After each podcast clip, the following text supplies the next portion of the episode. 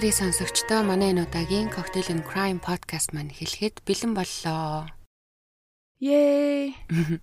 За, дугаартаа орохоос өмнө уламжлалт ёсоор сануулга хэлье.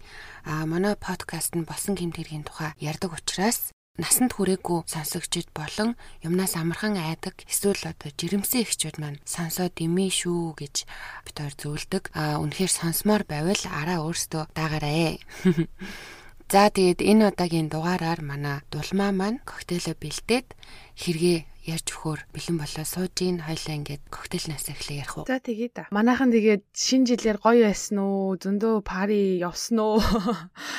А шинэ жилээр бүгдээрээ тийм пари ихсэл ер нь бол алкохолыг за нэг амар ихээр хэрэглэх нь юу юм бэ? Гэхдээ ер нь бол одоо юу хэмдэ илүү ихээр хэрэгэлдэж штэ ер нь 12 дугаар сард баяраар.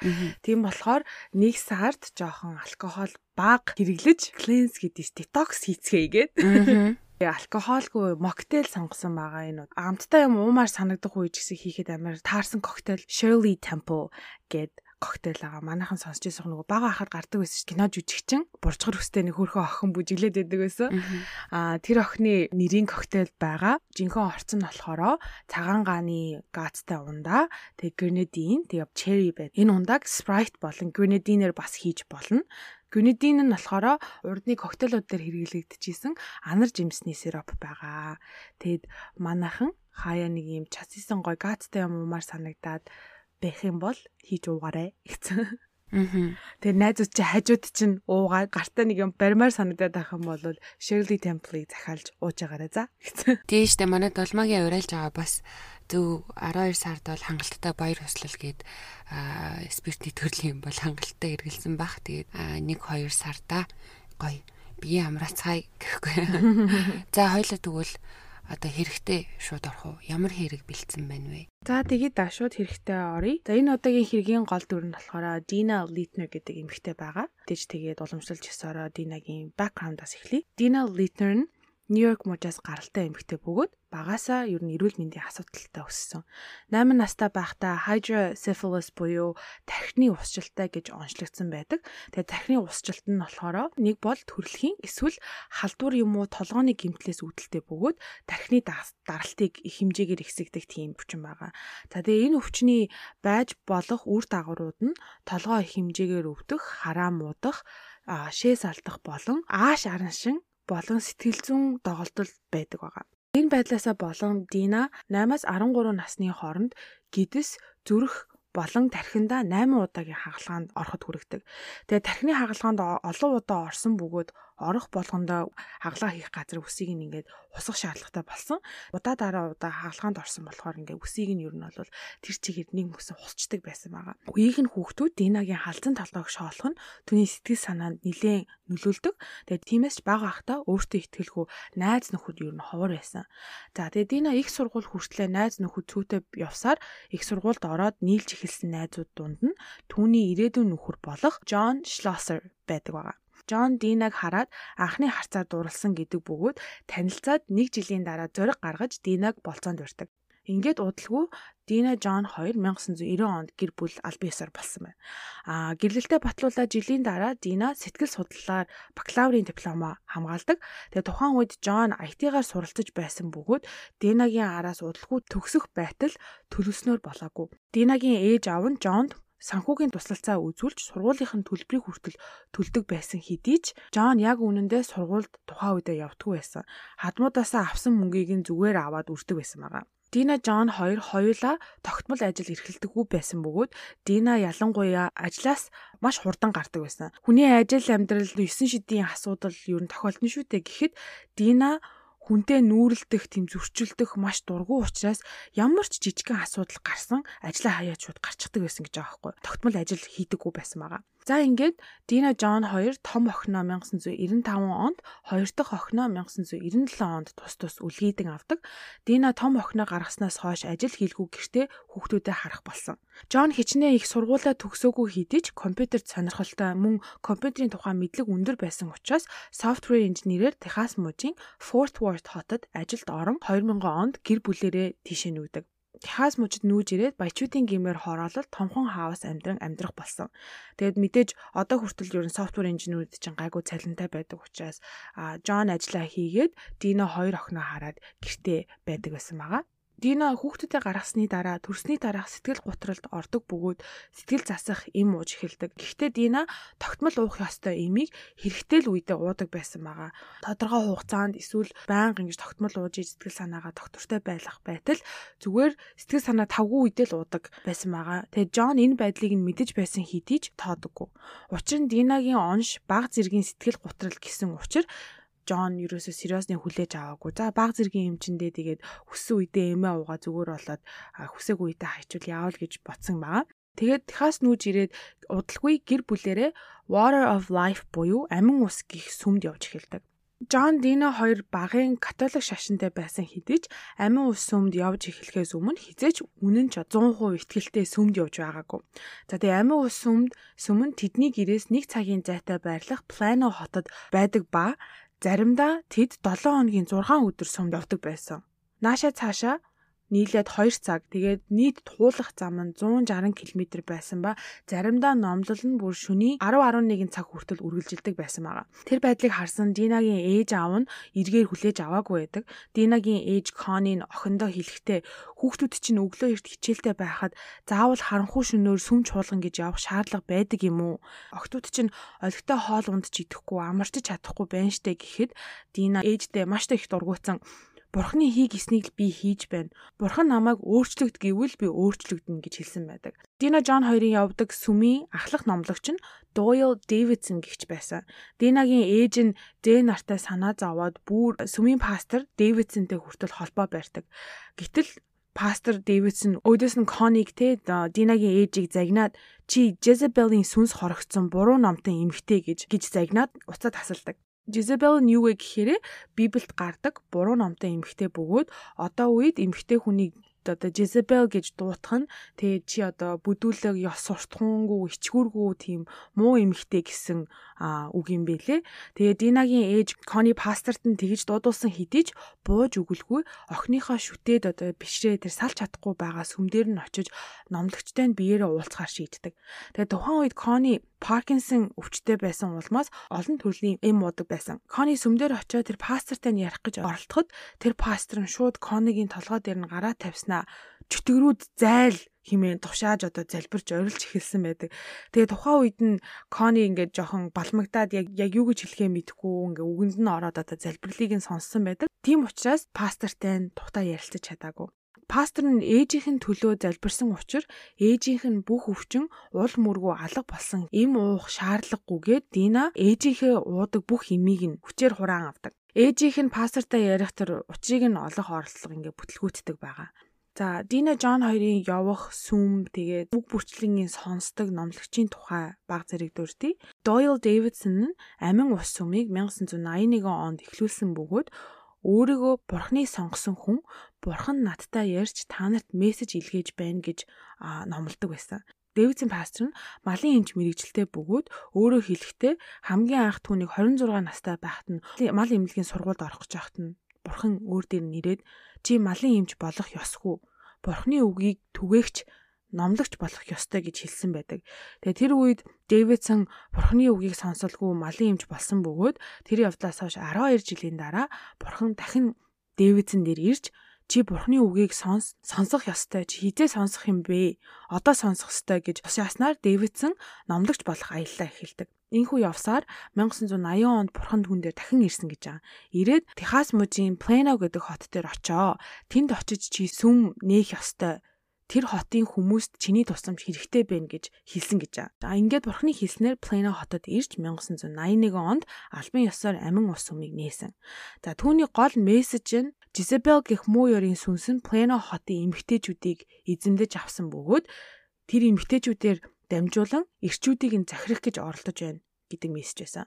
Библиэлд Жезебел нь нөхрийнхөө толгойг эргүүлээд нүгэл үйлдүүлсэн гэж дурддагддаг учраас энэ одоо Дэвидсон номлогчийн хэлж байгаагаар эрэгтэй хүний хийсэн нүглийн ард эмэгтэй хүн байдаг. Тиймээс би одоо Плано хотын эмэгтэйчүүд, эрэгчүүд гэр бүл бүгдээр ингээд аврах гэж ирлээ гэд ер нь бол хамаг фокусаа эмэгтэйчүүд дээр тусгадаг байсан байгаа. Хамаг Хилдэг байсан зүйлүүд нь эхнэр хүн хизээж нөхрийн үгийг зөрчиж болохгүй. Хэрвээ дуулууртай байхгүй бол хүүхэд гаргаж чадахгүй. Учир нь Jezebel түүний сүнсийг эзэнтсэн. Гэх мэт ийм гендрийн эргэтгэж байдлыг маш ихээр зөрчсөн тийм номлолуудыг заадаг байсан байгаа. Джон Дина хоёр энэ сүмд маш итэвхтэйгээр явдаг. Пастор Дэвидсоны үгийг бүр маш итгэлтэйгээр, итэвхтэйгээр сонсдог байсан байгаа. Ялангуяа Джон, Джон бүр пасторын үгэнд 100% сонсдог байсан бөгөөд нэг удаа Динагийн ээж аав нь гэрт нь байхад би гэрийн эзэн учир миний ихнэр хүүхдүүд бол миний өмч би эдрийг бол яаж чадна надаа ирэх байгаа гэж хэлээд ээж аавынх нь дургуг жоохон хүрхсэн байдаг. Тэгээ энэ үед Дина Жонтой санал нийлдэг байсан учраас ээж аав нь Динад юу ч хэлж чадаагүй. За тэгээ Дэвидсон пастрын бас нэг заадаг байсан юм нь бүх өвчин эмгэг зөвхөн залбирлаа л эдгэрч чадна гэдэгт гэж заадаг байсан. Эмчнэр болон эм тан бол хар хүчний муу ёрийн зүйл гэж заадаг байсны улмаас Дина охтууд нь ханаа томон хурж өвтөхөд ерөөсөө эм хэрэгэлдэггүй бүгдээрээ залбирыгээд өдөр шөнөгүй залбирч суудаг байсан.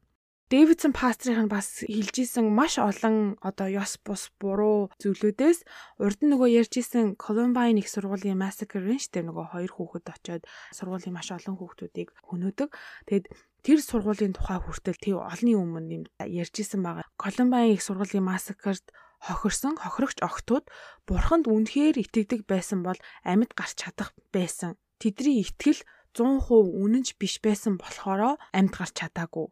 Гэ бүр нэг ийм амар экстрим үзэл сонин сонин сургаалуудыг ярьдаг байсан. А өөр бас нэг юм нь Дэвидсон өөрийнхөө эхний хүртэл Жезебелийн сүнсээр дүүрсэн янхан гэж буруутгаж түүнээ сална гэдгээ одоо олон нийтэд зарладаг. Тэг хичнээн албан ёсоор гэрлэлтэд цуцтуулаагүй ч тэр цагаас хойш эхнэрээ өгөөсгөх болсон. Ингэж хэдэн жил явсаар 1987 онд бурхан надад шинэ эхнэр бэлдэж түүнтэй намайг суу гэж тушаалаа гэж хүмүүс зарладаг. Тэгээ шинэ эхнэр нь хин бэ гэсэн чинь амин ус сүмд явах Лиса Стейтен гэх эмэгтэй байдаг. Тэгээ тухайн үед Лисагийн нөхөр нь JR нь Дэвидсоны үнэнч дагагч нарын нэг байсан байгаа. Дэвидсон Лиса болон түүний нөхөр сүмийнхэндээ хэлэхдээ Лиса бит хоёр олон жилийн өмнөөс чиний араар уулзсан. Эцэст нь бурхан надад Лисаг бэлэглэж байгаагаа хэллээ гэдэг. Тэгээ Лисагийн нөхөр нь хичнээн дагагч хэдий ч Дэвидсны хэлсэн үгэнд нь итгээгүй ямар ч эрүүл хүн итгэхгүй штэ гинт зүг зүгээр ээжсэн аа бурхан чиний их нэрийг миний их нэр бол гэж тушаалаа гэхэр чинь ямар ч эрүүл хүн итгэхгүй штэ бас дээрэс нь Лиса хүртэл Дэвидсны хэлсэн бүх зүйлийг худлаа гэж ницаадаг байгаа. Тэгээ Дэвидсэн ихнэр нөхөрт хоёрт зориулан нэг юм сонин имэйл бичдэг. Тэгээ Лисад хэлэхдээ би энэ зааварчилгаа имэйлийг нөхөрт чинь бас явуулсан. JR-ыг бити бидээ хүрэг. Чиний би миний эрх мэдлэх хайртай шүү дууяв гэж бичсэн бичсэн байдаг. Тэгээ доор нь нөхөрт нь буюу одоо JR-т зориулаад Лисад гар хүрээд үзээрэй. Муу чөтгөрийн хүү сайн сайхны дайсан минь. Миний эхнэрийн мах цуснд хүрээд үзээрэй гэж бичсэн байдаг. Бүр юм солиотой Энэ имэйлийг явуулсны дараа удалгүй Дэвидсон Лисагийн герт очиж Лисаг хүчээр авч явах гэж оролддог. Удалгүй Лисагийн нөхөр гэртээ ирэхэд Дэвидсон ингээ Лисагийн дээр нь гарчихсан хоолойг нь боомлоод Жезебелийг Лисагийн биенээс зайлгээд орилоод бүр чангаар залбираад сууж исэн гэж байгаа байхгүй юу? Тийм байдлыг харсан JR шууд цагдаа дуудаж Дэвидсыг баривчлуулдаг. Ийм дарамттай хэцүү явдал болсон хэдий ч Лиса болон JR Дэвидсны эсрэг хэрэг үүсгээгүй. Харин Дэвидсон тэр хоёрыг бурхны үг сонсдоггүй Жезебелийн сүнс нь авцсан химээ сүмээсээ хөөдөг байгаа. Тэгээ Дэвидсон энэ явдлаар жишээ авч маш олон жил сүмдэрэ номлол. Ямарваа нэгэн хүн буруу зүйл хийнгүүт та нар Лиса JR-ыг санаж гин үү те Жезебелийн сүнсээр дүүрсэн та нар тэрэн шиг юм чөтгөр яхахыг хүсэж гин үү гэж маш олон жил одоо бусад сүмд явагч нарыг загнаж номлодог байсан байгаа энэ Дэвидсны нэг номлож байгаа юм хэсэг бичлэгүүд зөндөө байдгийн билээ YouTube-ээр. Тэгээ тэр бичлэгийг ингээ харсан чинь Лисагийн тухай ярьж байгаа нэг бичлэг нь олсон байхгүй юу. Тэгээ тэрэн дээр бурхан надад ихнэр өгсөн. Түүний нэрийг Лиса гэдэг. Гэвч тэр бол янхан, худалч, урагч, жинхэнэ Жизебел Лиса бол яхан, Иса бол яхан бүр амар юм заяа сүмдэр штэ энэ ч одоо ууг нь шашин шүтлэгчийн юм ариун гоё зүйл байх хэвээр байтал те бүр ийм муухай яс ёс бусын үгийг ашиглаж бүр Лисаг те 9 шидээр нь дуудаж бусад эмгтээчүүдийг ингэж загиндаг байсан байгаа. Тэгээ бас хэлжсэн юм нь болохоор би Лисаг биш ихчийг нь сонгож болох байсан. Гэвч тэр муу атаархуу Лиса намайг ойлгоогүй. Тиймээс та нар миний ихнэр Лиса Лиса шиг бурхны үгийг зөрчсөн яхан байж болохгүй гэж загиндаг байсан байгаа байхгүй. Бүр ингээд би тэр бичлэгийг ингээ харчаад бүр хийлэх үггүй басан тэр бүр юу ямар солиотаар дураагүй гэв. Линкийг нь юундаа деталь хэсэгтээ оруулчихъя. Тэгээ манайхан ороод үзээ нэг аим шиг нэг гачаа өвөө байгаа. За тэгээ энэ явдлаас хойш мэдээж Lisa JR 2 сүмээсээ хөөгдөөд ер нь олвол нуугдмал амьдралаар амьдрах болсон. За тэгээ нэг ийм галзуу солиотой пастраар ахлуулсан сүмд Дина Джон хоёр бүр толгоогоо мэдүүлэн өдөр алгасалгүй явдаг байсан байгаа. За тэгээд 2000 оны үед Джон ажлаа алддаг ба удалгүй хаусныхаа зээлийн төлбөрийг хийж чадахгүй улмаас хауснасаа хөөгцсөн. За тэгээ гэр бүлд нь бурхан болон Дэвидсон пастраас өөр юу ч үгүй мэд санаж сүмтэйгээ ойрхон байхын тулд Плано хот руу 2002 онд нүүдэг байгаа. За тэгээ Планод очоод Дэвидсон пастортай улам дотносдог. Ялангуяа Дина Динагийн гэр бүлийн хэлснээр Динагийн ганц ярддаг юм нь Дэвидсон пастор. Дэвидсон пастор ингэсэн Дэвидсон пастор тэгсэн ингэж ингэж хийж болно гэсэн болохгүй гэсэн гээд бүх ингээд ер нь бол амьдралаа Дэвидсон пастраар заалах болсон гэх юм уу да. Зөвхөн Динаж гэлтгүү ер нь Джон тэр хоёр хоёулаа хүүхдээ хүмүүжүүлэхээс эхлүүлээд яаж амьдрахыг Дэвидсон пастор заадаг болсон байгаа. За тэгээ шинэ хотод ирээд удалгүй 2004 оны 1 сарын 9-нд Джон Дина 2 3 дахь охин болох Маргаретийг үлгөөдөж авсан. Дэвидсон пастрын зааж сургаснаар эмч нар бол муу ёрийн сүнсээр дүүрсэн мөн тэдний хэрэглэх эм там бол хар шийдин гэдэгт бүрэн итгэдэг байсан болохоор Дина ямар ч эмчийн тусламжгүйгээр гэртээ төрдөг. Маргарет хорвоо дээр ганцаараа мэндэлсэн хэдий ч Динагийн итгэлээр хүү охин хоёр ихэр хүүхэд төрүүлсэн.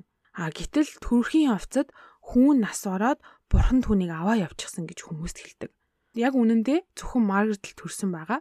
Дина төрснийхөө маргааш Библи уншаад сууж байхад cut буюу зүсэх гэдэг үг маш тодор харагдсан учраас хайч аван гараа зүсэж амиа оролдох гэж оролддог. Джон гэртээ ирэхэд Дина байны өрөөндөө цусаалтад хөвтөж байсан бөгөөд шууд эмнэлэг аваад явъя гэж бодолгүй Дэвидсон пастрын хийснээр залбирч эхэлдэг. Тэгээ гарн дээр нь шархны лент тавингуудаа Динаг эдгэж өгөөч гэж залбираа суусан байдаг. Тэгээ сүулт Дина энэ явдлын тухай сэтгэл зүйчэд хэлэхдээ бурхан намайг эдгэж чадна гэдгийг би батлах гэсэн оролдлого байсан гэж хэлсэн байгаа. Аз олж их цус алдаагүй өөрийгөө их гүнзгий зүсээгүй улмаас амьд гарч чадсан. Аз тохиолдол тэ өөрийгөө гүн зүсээгүй их цус алдаагүй болохоор амьд гарсан. Гэхдээ Динагийн хувьд үнэхээр бурхан намайг аварсан. Би өгөх гэжсэн чинь Джон залбираад би залбираад бурхан намайг аварч чадсан учраас гэдэгтээ бүр ингэж итгэцэн заяаг ингээд солиорцсон. За тэгээд энэ явдлаас 5 хоногийн дараа Дина хоёр бага охиноо хараад гэрте байж байсан бөгөөд зурагтаар Ариэл хүүхэлдэйн кино гарч байсныг хамт үзээ сууж исэн байгаа. Тэгээ удалгүй хүүхэлдэйн киноны бааtruуд Дина руу харан түүнийг шоолж тохуурхаж эхэлдэг. Тэгээ энэ байдлыг төвчлгүй Дина гэрээсээ гарна цутаадаг бөгөөд араас нь 7 настай дунд охин гүйсэн боловч ээжигээ мэдээж гүйт чадаагүй. Дина гэрээсээ 3 км гарам газар гудамжинд ингээ ухаан санаа нь үүмэрч гисэн явж байхад цагдаа нар түүнийг олдог. Цагдаа нар Динатай ойртоход тэрээр маш ихээр ойрлж цагдаа нар руу дайрч эхэлдэг. Тиймээс Динаг арайхийн буулгаж авч сэтгэц мэдрэлийн эмнэлэгт хүргэдэг байгаа. Дина эхний хоёр төрөлтөн дээрээ баг зэргийн төрсний дараах сэтгэл гутралтай гэд им ууж байсан гэсэн штэ. Тэгээ тэр оншин хүндэрч postpartum psychosis буюу төрсний дараах сэтгцийн бүр эмгэг болчихсон байсан байдаг. За тэгээ мэдээж түүнийг тавьшруулах эм үгэн эмчилгээ эхэлсэн. Гэвч 2 хоногийн дараа Джон эхнэрээ эмнэлгээс гарган авдаг. Тухайн үед Дина эмнэлэгт үргэлжлүүлэн хөвтөх хүсэлтэй байсан хэдий ч Джон ба хэлэхдээ тэгээ хангалттай залбирсан. Мөн хүүхдүүдтэйгээ байвал Дина хурдан идэгрнэ гэд Динаг аваа гарсан байгаа. Тухайн үед нь хүүхдийг хамгаалах төвийн ажилчид Динаг хяналтандаа авдаг. Мэдээж гэртээ хүүхдүүдэд хараад байдаг эмэгтэй тий ингээд сэтгэл зүйн докторгүй байдалтай болсон учраас хүүхдүүдэд ямарваа нэгэн аюул тулгарч магадгүйгээд түүнийг хяналтанд авдаг. Тэгээ Дина 3 сар орчим хяналтанд байхдаа тогтмол эмээ ууж байсан учраас түүний сэтгэл зүй доктортой болж хүүхэд хамгаалах газраас түүний кейсийг хаадаг. Хүүхдүүдтэй болон өөртөө ямар ч аюулгүй гэж дүгнсэн учраас кейс хаагдсан даруйд Дина эмээ уухаа болсон. Учир нь гэвэл Дэвидсон пастрын хэлснээр эм там бол чөтгөрийн хар шид. 3 сарын хугацаанд хяналтанд байгаад эмээ тогтмол уугаад сайжирсныг Дэвидсон, Джон, Дина 3 болон сүмийнхэн бодохдоо ингээ бүгдээрээ нийлээд маш ихтгэлтэйгээр залбирч байсан учраас бурхан Динаг эдгээсэн гэж хоорондоо ярин хөөрчсэн байгаа аахгүй. За тэгээ мэдээж эмээ уухаа болсноос хойш Динагийн байдалд ордож эхэлдэг. Ийм сонин сонин аратан амтэн шиг дуу аваа гаргадаг байсан мөн дээрэс нь удахгүй дэлхий сүнэх учраас Есүс манай гэрийн хажууд хөлөг онгоц барьж байгаа. Бид нар ийшээ орж аврагдана гэж хүмүүс хэлэх болсон. Тэг хамгийн амар нь баг охин Маргаретийг Дэвидсон пастрын эхнэр болох ёстой. Ингэснээр охиноо би бурханд өгч байна гэсэн үг. Тэгээ бүр хүүхдээ Дэвидсний өгөх гэж хүртэл оролддог. Джон энэ бүх байдлыг ноттойгоор хүлээж аваагүй. Нүдэн дээр нь дороотой, нүдэн дээр нь галзуураа тах чинь Динагийн сэтгцийн өөрчлөлт эмгэгийг хизээч сериусны хүлээж авч байгаагүй. Джонны хувьд болохоор бодолт болохоор хэрвээ бурханд бүх зүйлээ зориулаад өдөр шөнөгүй сайн үнэнчээр залбирч чадах юм бол Дина эдгэрч гэр бүл нь ад жаргалтай сайн сайхан байна гэдэгт 100% итгэдэг байсан байгаа байхгүй юу. Ингээ цаг хугацаа өнгөрсөөр Дина эмээч уухгүй түүний сэтгэл зүйн байдал дорооцоор 2004 оны 11 сар гэхэд Дина бүр Библиэс толгоогоо салхаа болсон байдаг. Хамгийн ноцтой асуудал нь бурхантай ярьж эхэлдэг байгаа. Бурхан Динад хэлэхдээ баг охиноо дагуулад хүрээдэр гэж хэлсэн гэдгийг бүр байнга сонсдог болсон байгаа. Динагийн уншдаг байсан нэг ишлэл байгаа хгүй тэрийг болохоор бүр ингээд зогсолтгүй нонстоп байнга уншдаг байсан нь Матай номын 5 дугаар бүлгийн 30 дугаар ишлэл байгаа. Тэрэн дээр баруун гарчин чамайг бүдрүүлвэл тастаад хай. Учир нь бүтэн бие чинь тамд хаягдсанаас бие чинь нэг эргэтэн байхгүй чамд дээр гэж бичсэн байдаг тэр ишлэлдэр. Тэгээ энэ ишлэл бүр маш их төвлөрж уншсны эцэст Дина юу хийхээ ухаардаг.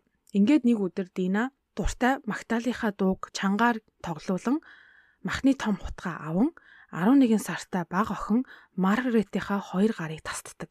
Тэгээд дараа нь өөрийнхөө гарыг тасдах гээд зүсэж эхэлдэг байхаа мөрнөөсөө эхлээд. Яг тэр үед нь удалгүй утас дугарахад Дина уцаа аван Джонтой ярьдаг. Тэгээ маш тайвнаар Джонд юу басныг хэлэхэд Джон түргэн тусламж 911 цагтаа сэргийлэх юун тийм бодлохгүй хамгийн түрүүнд Дэвидсон пастор руу залгасан байна пастор нь Джонд хэлэхдээ Динагийн найз Кэролин руу яар тэр чамд юу хийхийг хэлэх болно гэж хэлсэн. Тэгээ Джон Амир тэнийг тестил цагдаарууд дуудлаггүй уцаа таслангуудаа Кэролин руу залгаад юу болсныг хэлдэг. Тэр үед нь Динагийн найз Кэролин нь Дина руу залгаад ярилцаж байхад Кэролины хамт байсан найз нь 911 руу дуудаж юу болсныг хэлсэн байгаа аахгүй. Бүүр нэг юм хэлэх зүг ад. Ингээд эцэст нь 911-ийн ажилтан Дина руу залхахад Дина маш тайвнаар юу ч болоогүй мэт уцаа авсан. Юу болсон талаар асуухад өө Маргаретийн гарыг тасчихсан штеп гэж хэлсэн байгаа. Тэгээ нөгөө оператор нь гайхаад бүр гайхаад дахин лавлаж асуухад Дина өдөөс нь "Аа" гэж хариулсан. Бүр юу ч болоогүй юм шиг оператор нь охин амьд байгаа юу гэж асуухад Дина "Үгүй" гэж маш тайнаар хариулдаг.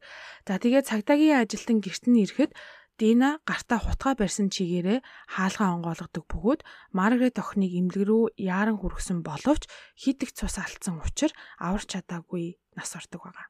Яагаад ийм зүйл хийх болсон талаар Динагаас асуухад Тэр хэлэхдээ надад хийх ёстой юм шиг санагдсан учраас гэж хариулдаг. Яг тухайн үед цагдаа нар ирэхэд аманда thank you Jesus, thank you Lord гэж бүр залбирч бовтонж байсан. Динагийн шүүх хурал маш хурдан болж өнгөрсөн. Галзуу ухраас гин буруугийн мөн ял хүлээж авах чадамжгүй гээд шүүхийн шийдвэр нь Техас мужийн эмнэлэгт өөртөө болон бусдад аюул учруулахгүй болтлоо эмчлүүлэхээр гардаг байгаа. Тэгээ шүүх хурлын явцад мэдээж Джон болон Дэвидсон пастрыг авч хилэлддэг.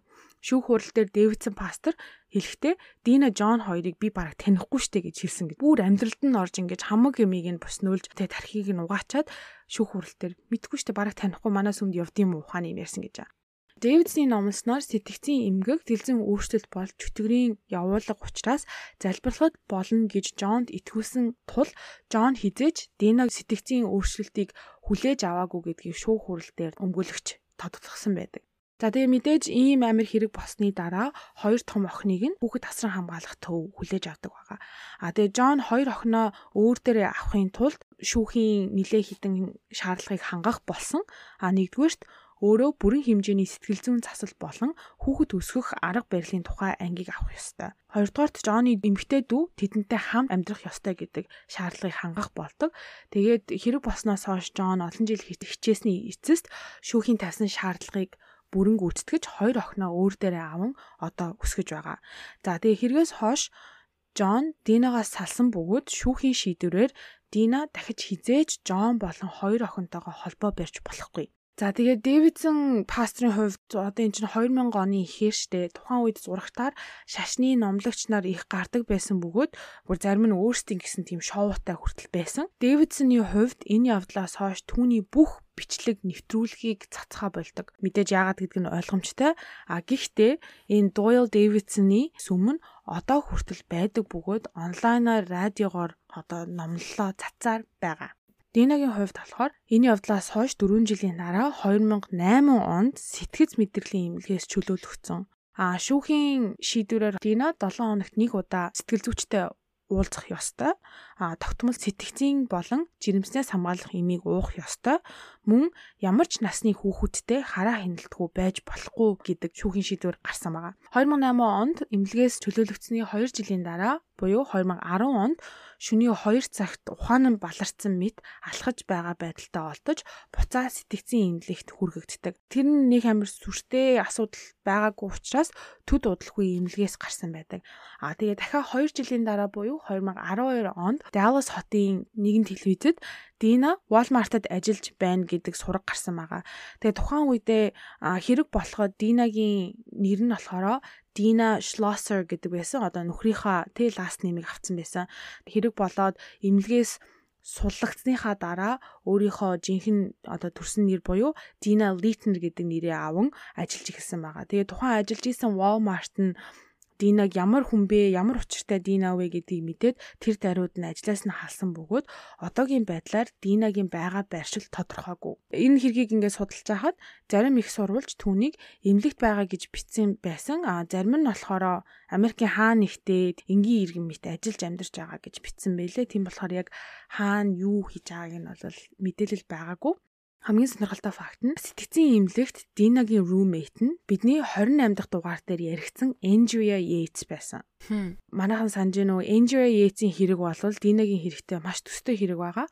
Олон хүүхэд гаргасан, гэрте байдаг ээж эхний хүүхдээсээ эхлээд төрсний дараах сэтгэл гутралд орсон бөгөөд нөхөр нь тоогоогүй. Тэгээ тэр нь явд амжирсаар агаад эмгэг болсон байсан. Мөн дээрэс нь шашны буруу урсгал номлол маш их нөлөөлсөн байдаг. Тэгээ энэ бүх фактораас болоод дөрвөн хүүхдээ хөнөөсөн эмэгтэй байдаг.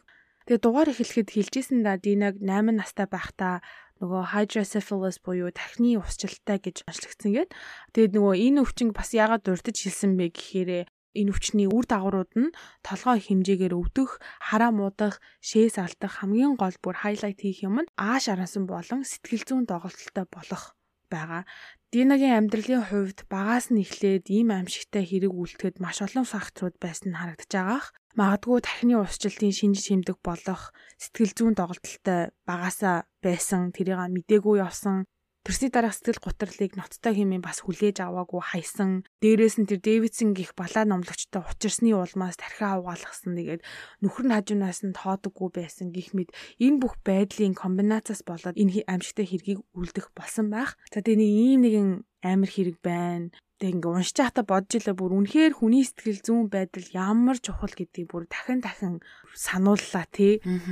Тэгээ ялангуяа хүүхэд гаргана гэдэг чинь маш том зүйл. Өөрөө хүүхэд гаргаж үзээгүй ч гэсэн тэгээ хүүхэд гаргасан хүн болгоноос сонсдог тэгээ бүр хоёр яс салах гэдэг чинь ямар амар зүйл үлээ гэдэг.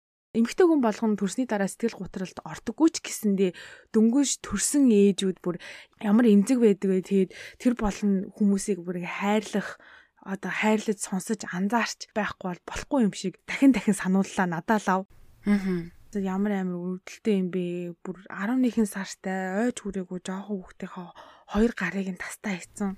Амар тий. Ийм нэг хэрэг байна. Чи энэ хэргийг сонсч ийсэн үү? Өө, өстой сонсож байгаагүй хэрэг байна. Ямар амар юм бэ? Тэгээ би сая чамааг яриа сууж хахад энэ нөгөө Дэвидсны тухай гуглдэж үзсэн ахгүй? Тэгсэн чинь YouTube дээр бүр пэйжтэй юм байна. Аа. Хамгийн сүүлд гэхэд 5 сарын өмнө тэр нь өөрсдийнхөө номлолыг хийж байгаа бичлэг мэтлэг бүр хэдэн цаг гарангийн бичлэгүүдээ ингээ постлдаг юм байна. Тэсүүлийн 5 сарын үл юм постлог байна. Гэтэ юу вэ? Одоо хүртэл ингээд байж юм гэхээр айгүй байлэр амир юм аа ёо. Байна байна.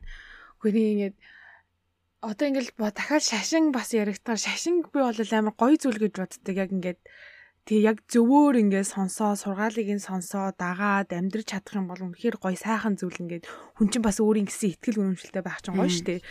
Гэтэл бүр нэг ийм солиотой солиотой бала бала хүмүүс гинт гинт гарч ирэнгуудаа өмнөх нөгөө дугаар дээр ярьсан шиг те нөгөө библийг өөрийнхөө ойлгосноор орчуулаад бурхан надаа ингэж хэлсэн, бурхан намайг илгээсэн гэд нэг ийм цээжэд идэж гарч ирээ. Тэгэнгუут нь хүмүүс ингээд тэрэнд нь итгээд дагаад явж ин гэхээр бүр бүр би бүр хэлэх үг алга.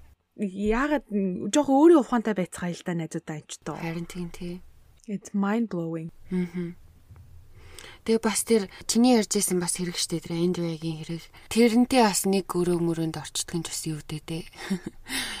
Харин тийм. Манайха хэрвээ тэр хэргийг санаж ивэл эсвэл сонсоогүй бол 28 дугаар эпизод байгаа шүү. Тэгээд сонсоогүй нэг нь сонсоод үзээрэй. Тэгээд маш сонирхолтой хэрэг байлаа. Тэгээ одоо энэ хэрэг толбоо хэрэг толботой ч гэж те одоо энэ аимшигын тархитлагаа угаасан сонин гар нь одоо хүртэл бас байж лээдэг. Одоо ингээд нийтлхий дээр нэг улсад ингээ хамт зэрэгцээ амьдарч байгаа гэж бодгоор ингээ амар сонин санагдаад байгаа байхгүй юу юм хүмүүстэй. Харин тийм тэгээ. Мм. За тэгээд дулмаада ахин дахин баярлаа. Маш сонирхолтой байлаа. Аа тэгээ сонсогчд маань угаасаа юу хийхээ мэдж байгаа тий. Аа хэрэгтэй холбоотой зураг болон бусад мэдээ мэдээллийг Instagram болон Facebook-ийнхаа хуудсанд хийчин. Тийм болохоор Cocktail and Crime гэдэг Instagram-аар болон Facebook-ээр ороод үзээрэй. Тэгээд подкаста бас сонсож байгаа платформ болгон дээрээ дэмжиж лайк юм уу од өгөөрэй. бит хоёр сүүлийн хідэн дугаар дээр чатгаараа промот хийгээд байгаа тий бит хоёр ч удахгүй 100к хүрчих гээд YouTube-ийн subscribers-уудаа 100к хүргэж нэг server bot-ыг авч үзчихмээр санагдаад гэхгүй. Тэгээд хүн л алсан хой. Тэгээд хүн л алсан хань одоо бас тэрийг үдчмээр санагдаад байгаа. Тэгээд хэрвээ subscribe хийж амжаагүй байгаа бол а бид тэрийг дэмжиж YouTube дээр subscribe гэдэг ботныг дараад өгөөрэй. А бас дээрэс нь бит хоёр одоо сүүлийн үед бас ярилцж гин өөрсдийнхөө сувгийг улам цааш нь одоо өргөжүүлээд тэгээд ийм өөр сонирхолтой контентууд хийх санаа байгаа. Та хэд маань юу гэж бодож гин? А ямар хөө контент хийвэл сонирхолтой байх вэ? Тэгээд та хэд маань гоё санаа оноогоо бит хоёрлоо бичээрэй. Окей. За тэгээд энэ хүртэл битэрийн уршигыг сансан хүмүүс маань хэн байдаг вүлээ? MVP. За бүх MVP нартаа хайртай шүү. Хайртай. Утахгүй дараа дараагийнхаа дугаараар уулзцгаая. Түр баяа. Bye.